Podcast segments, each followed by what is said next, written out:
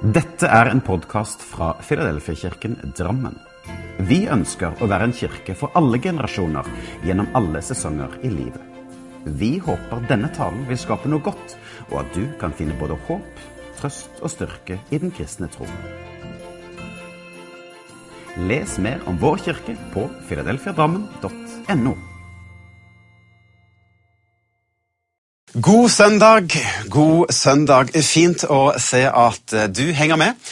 Og jeg har lyst til å hilse deg med å si nåde være med deg. Ja, nåde være med deg. For jeg håper jo at du har opplevd Guds godhet og Guds kjærlighet i ditt liv. Og for min egen del så kan jeg merke at jeg er elsket av Gud. Ja, det kan nesten sammenlignes med at det er en solfylt dag, og solen den skinner, og man kan kjenne det både på ytre og i det indre, denne varmen som kommer fra solen. Ja, litt på samme måte så kan man kjenne seg elsket av Gud. Men det er ikke alle dager som er slik. Noen dager kan òg være grå og tunge. Og man merker ikke denne varmen eller denne godheten som kommer over oss. Ja, Det blir som et skydekke eller tåke som kan komme inn over våre liv. Men da, selv om jeg ikke kan nødvendigvis kjenne varmen, så velger jeg å stole på at Gud, Gud er der, og Guds omsorg er der for meg. Og så velger jeg på samme måte som jeg vet at sola den skinner selv om skydekket er der, så vet jeg at den er der. Også i de tunge periodene. I dag har jeg kalt min preken for Båret hjem. Og vi skal til Det gamle testamentet, og vi skal til Samuelsbøkene. Opprinnelig så var Samuelsbøkene bare én bok, men slik vi kjenner det, så er det altså to bøker. Første Samuelsbok og andre Samuelsbok. I første Samuelsbok så møter vi Hanna, som ber om å få en sønn, og Gud svarer denne bønnen ved å sende da Samuel. Og Samuel han lærer tidlig å høre Guds stemme, og det er med å prege han resten av livet. At han hører hva Gud sier han skal gjøre. Etter hvert så krever israelittene en konge i landet, ja, slik alle andre nasjonene i nærheten. Og da er det slik at Samuel får lov til å salve den første kongen i Israel, kong Saul. Og I første Samuels bok så kan vi lese om kong Saul, men òg at han slutter å ære Gud gjennom sitt liv. Og Da får vi møte David, som blir salvet til den neste kongen. Og I slutten av første Samuels bok så leser vi at Saul og hans sønn Jonathan dør i kamp. Andre Samuels bok det handler ikke om Davids ungdom, men fra da David var voksen og ble konge i landet Israel. Og Vi kan lese om hvordan han fikk skapt fred og stabilitet i riket. Men David hadde òg noen dårlige sider som endte med at han gjorde noen ukloke valg som ikke ble så bra for han. Men det som kjennetegnet David, det var at hans kjærlighet til Gud var alltid like stor. Og det er her vi skal i dag. Vi skal altså til andre Samuels bok kapittel 9. Og David har nå nettopp blitt konge over Israel. Og Vi skal ta oss og lese litt fra Bibelen. Fordi at i vers 1 så, får David en tanke om at han har lyst til å gjøre noe godt for etterslekten til Jonathan, altså sønn av kong Saul. Fordi at David og Jonathan hadde et nært og godt vennskap. og Han hadde lyst til å gjøre noe godt. Så da leser vi ifra da hverdagsbibelen. Da sa kongen, altså kong David Er det ikke noen igjen av Sauls hus som jeg kan vise Guds barmhjertighet mot? Saba sa til kongen, altså en av tjenerne, det finnes eh, ennå en sønn av Jonathan, en som er lam i begge beina. Da sa kongen til ham, hvor er han? Siba sa til eh, kongen, se, han er i huset til Makir, Amiels sønn i Lodebar. Og så sendte kong David bud og hentet ham ut fra huset til Makir, Amiels sønn fra Lodebar. Der fant de da denne mannen som het Mefibosjet. Og hvem er da denne Mefibosjet? Jo, det er sønn av Jonathan, sønnesønn av kong Saul. Og Vi leser tidligere i eh, kapittel fire i andre Samuels bok følgende at Jonathan, Sauls sønn, hadde selv en sønn som var fem år gammel da Jonathan og Saul døde. Barnepiken hadde flyktet bort med ham. Hun hadde det travelt med å komme seg unna med gutten, og da hadde det skjedd en ulykke. Hun falt ned eller Han falt ned, altså Mefiboset, falt ned og ble lam i begge beina. Han het Mefiboset. Altså, da Mefiboset var rundt fem år, så ble altså Saul og sønnen Jonathan drept i kamp. Og Da var det barnepiken som tok med seg Mefiboset og løp av gårde for å unngå at Mefiboset skulle bli tatt av opprørere. Men da skjedde altså denne ulykken som gjorde at fem år gamle Mefibosjet ble lam i beina. Og Mefibosjet han må ha hatt tunge og vanskelige og frustrerende dager. Jo, tenk bare det. At Mefibosjet han var jo en tronarving. Han skulle jo etter reglene overta etter Jonathan. Men eh, tronen ble frarøvet han. Men òg at Mefibosjet da ble lam i beina. Det var noen andre mennesker som hadde forårsaket at han ble lam. Uflaks, uhell, fiasko, fadese Alle disse tankene som har surret rundt i hodet til Mefibosjet. Det må være frustrerende, ja, deprimerende, å opplev alt dette båret hjem. Ja, båret hjem. Og Jeg undres òg på om eh, Mefibosjet visste om dette nære vennskapet til David og Jonathan. Han var jo da bare fem år da han ble eh, fraktet ut av slottet. Men dette vennskapet mellom David og Jonathan det var et, eh, et brodervennskap, et, et blodsbrødreforhold, som gjaldt helt inn til døden. Ja, til og med i det evige. Og det er nå David har lyst til å gjøre noe godt fordi at dette nære båndet mellom disse to mennene var et viktig og viktig og relevant og nødvendig for David. Du kan lese flere ganger i eh, Skriften om dette nære vennskapet til David og Jonathan. Båret hjem. Ja, for vi leser her i kapittel 9 om at kong David nå sender bud til at soldatene, hans menn, skal reise til byen Lodebar og finne da denne gjenlevende fra Jonathan, altså Mefibosjet. Og hva tror du? Skriften sier ikke noe om det, men hva tror du skjer når kongens menn kommer da til Mefibosjet?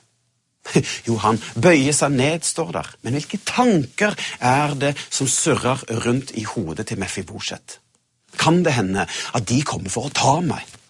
Endelig har du funnet meg og skal tilintetgjøre meg. Men kanskje han ble veldig overrasket, fordi at de tar med seg da med Mefibosjet tilbake til slottet, tilbake til David. Og der bøyer igjen Mefibosjet seg i ydmykhet. Og da står det i Bibelen David sa til ham Frykt ikke, for jeg skal være god mot deg for faren din Jonathans skyld. Jeg skal gi deg tilbake alt landet farfaren din Saul eide. Du skal alltid spise ved mitt bord. Igjen falt Mefibosjet på kne foran David og sa, Hvordan kan det ha seg at du viser meg, tjeneren din, en slik oppmerksomhet? Jeg er vel ikke noe mer å regne enn en død hund?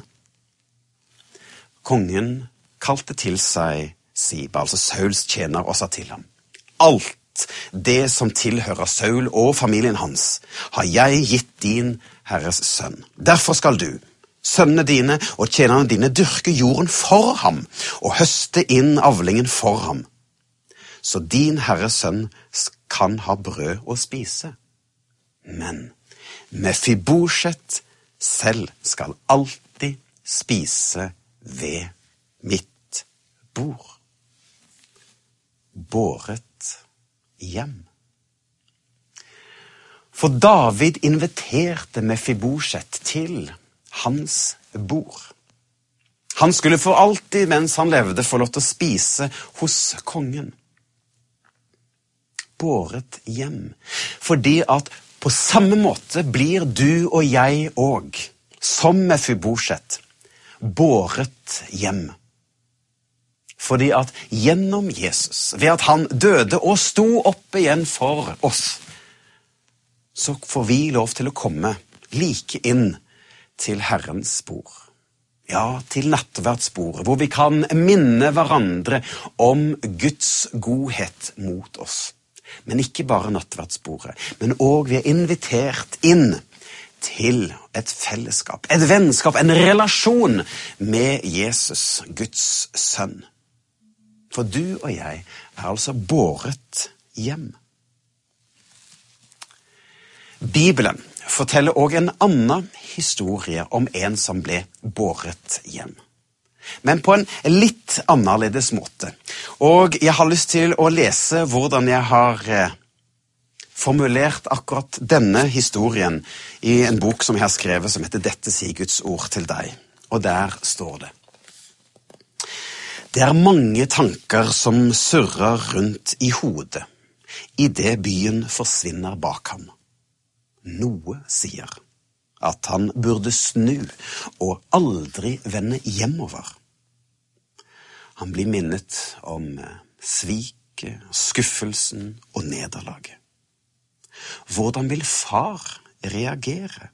Hva vil han gjøre? Til tross for redselen for hva som kommer til å møte ham, så har han bestemt seg. Det er noe i ham som roper, kom tilbake, vend hjem. Reisen hjem blir en lang vandring på mange måter. Han har mange timer foran seg. Nok tid til at eh, skammen og nederlaget og redselen får stor plass. Han har vanæret sin far. Hva vil eh, Vil han kunne godta meg som tjener i sitt eget hus?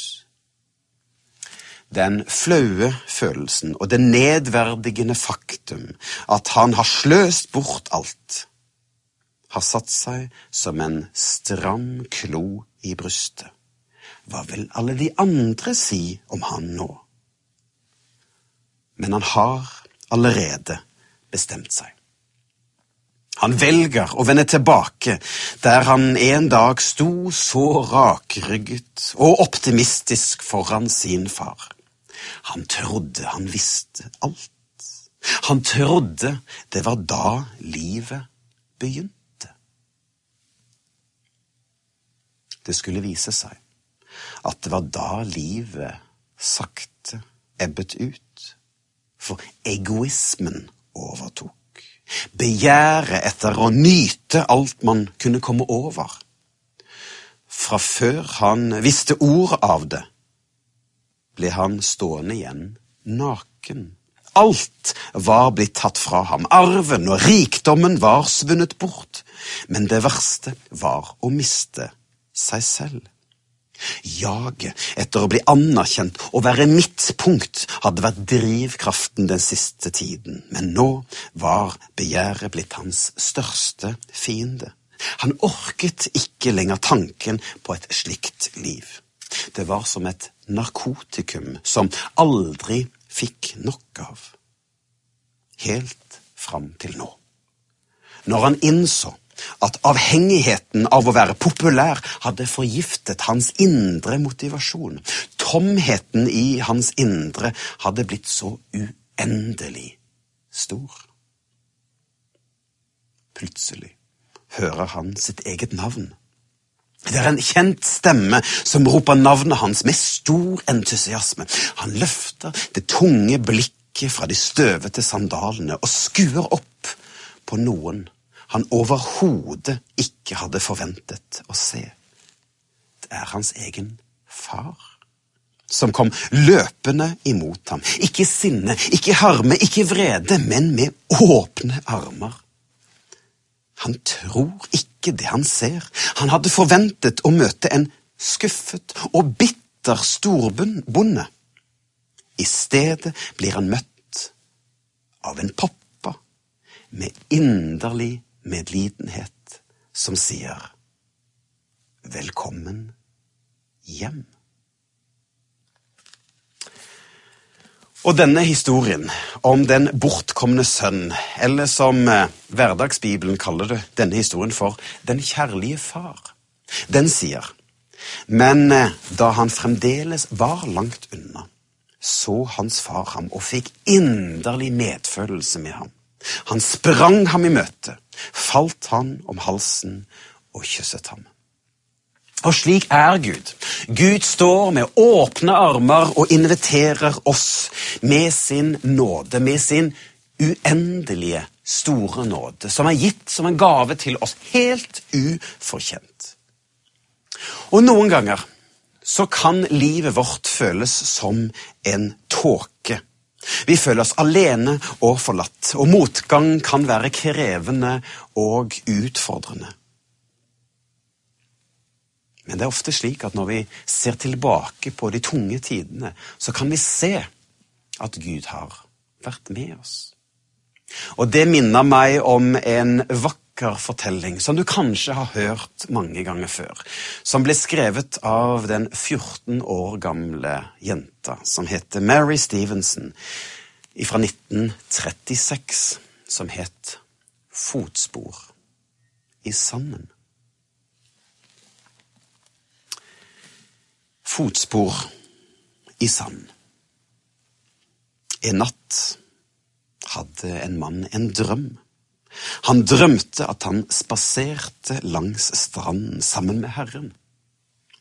Over himmelen kom det bilder fra livet hans til syne. For hvert bilde han så, oppdaget han at det var to fotspor i sanden. Den ene var hans eget, og det andre var Herrens. Da det siste bildet for forbi over himmelen, så han tilbake på fotsporene i sanden. Han la merke til at mange ganger i livets løp så var det bare ett par fotspor. Da oppdaget han også at det var de gangene da livet hans hadde vært vanskeligst og mest smertefullt. Dette forsto han ikke, så han spurte Herren. Herre, du sa en gang at da jeg bestemte meg for å følge deg, så vil du alltid gå ved meg og aldri forlate meg. Men nå ser jeg at da min nød var størst og livet vanskeligst å leve, da er det kun ett par fotspor. Jeg forstår ikke hvorfor du forlot meg da jeg trengte deg mest. Da svarte Herren, mitt kjære, dyrebare barn. Jeg elsker deg og vil aldri forlate deg. De gangene i livet da prøvelsene og lidelsene var størst, og du bare kan se ett spor i sanden, det var de gangene jeg bar deg i mine armer. Og slik er det. At Gud er der. Han strekker en hånd ut til oss mennesker. Og gjennom Jesus Kristus så blir vi båret hjem til Gud. Du er velkommen inn i denne invitasjonen.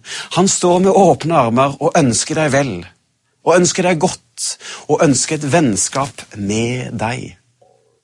Du er båret hjem når du tar imot Jesus. Hjem til Gud og hjem til det evige. Må disse ordene være til oppmuntring der hvor du er. At du kan føle at Jesus kanskje er langt borte, eller at du kan føle at du har vandret bort fra han. Eller at du kjenner at det er blitt et kjølig forhold. Så står Gud likevel der. Selv om du har sviktet, så står Gud med åpne armer og sier, 'Velkommen hjem'. Du er elsket for den du er. Du er skapt med en hensikt, og Gud ønsker et vennskap med deg. Så ta imot Guds invitasjon om å komme til ham. Så nåde være med deg.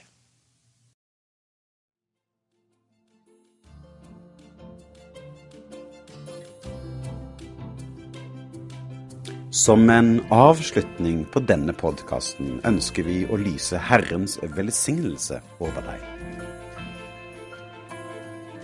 Herren velsigne deg og bevare deg. Herren la sitt ansikt lyse over deg og være deg nådig. Herren løfte sitt åsyn på deg og gi deg fred.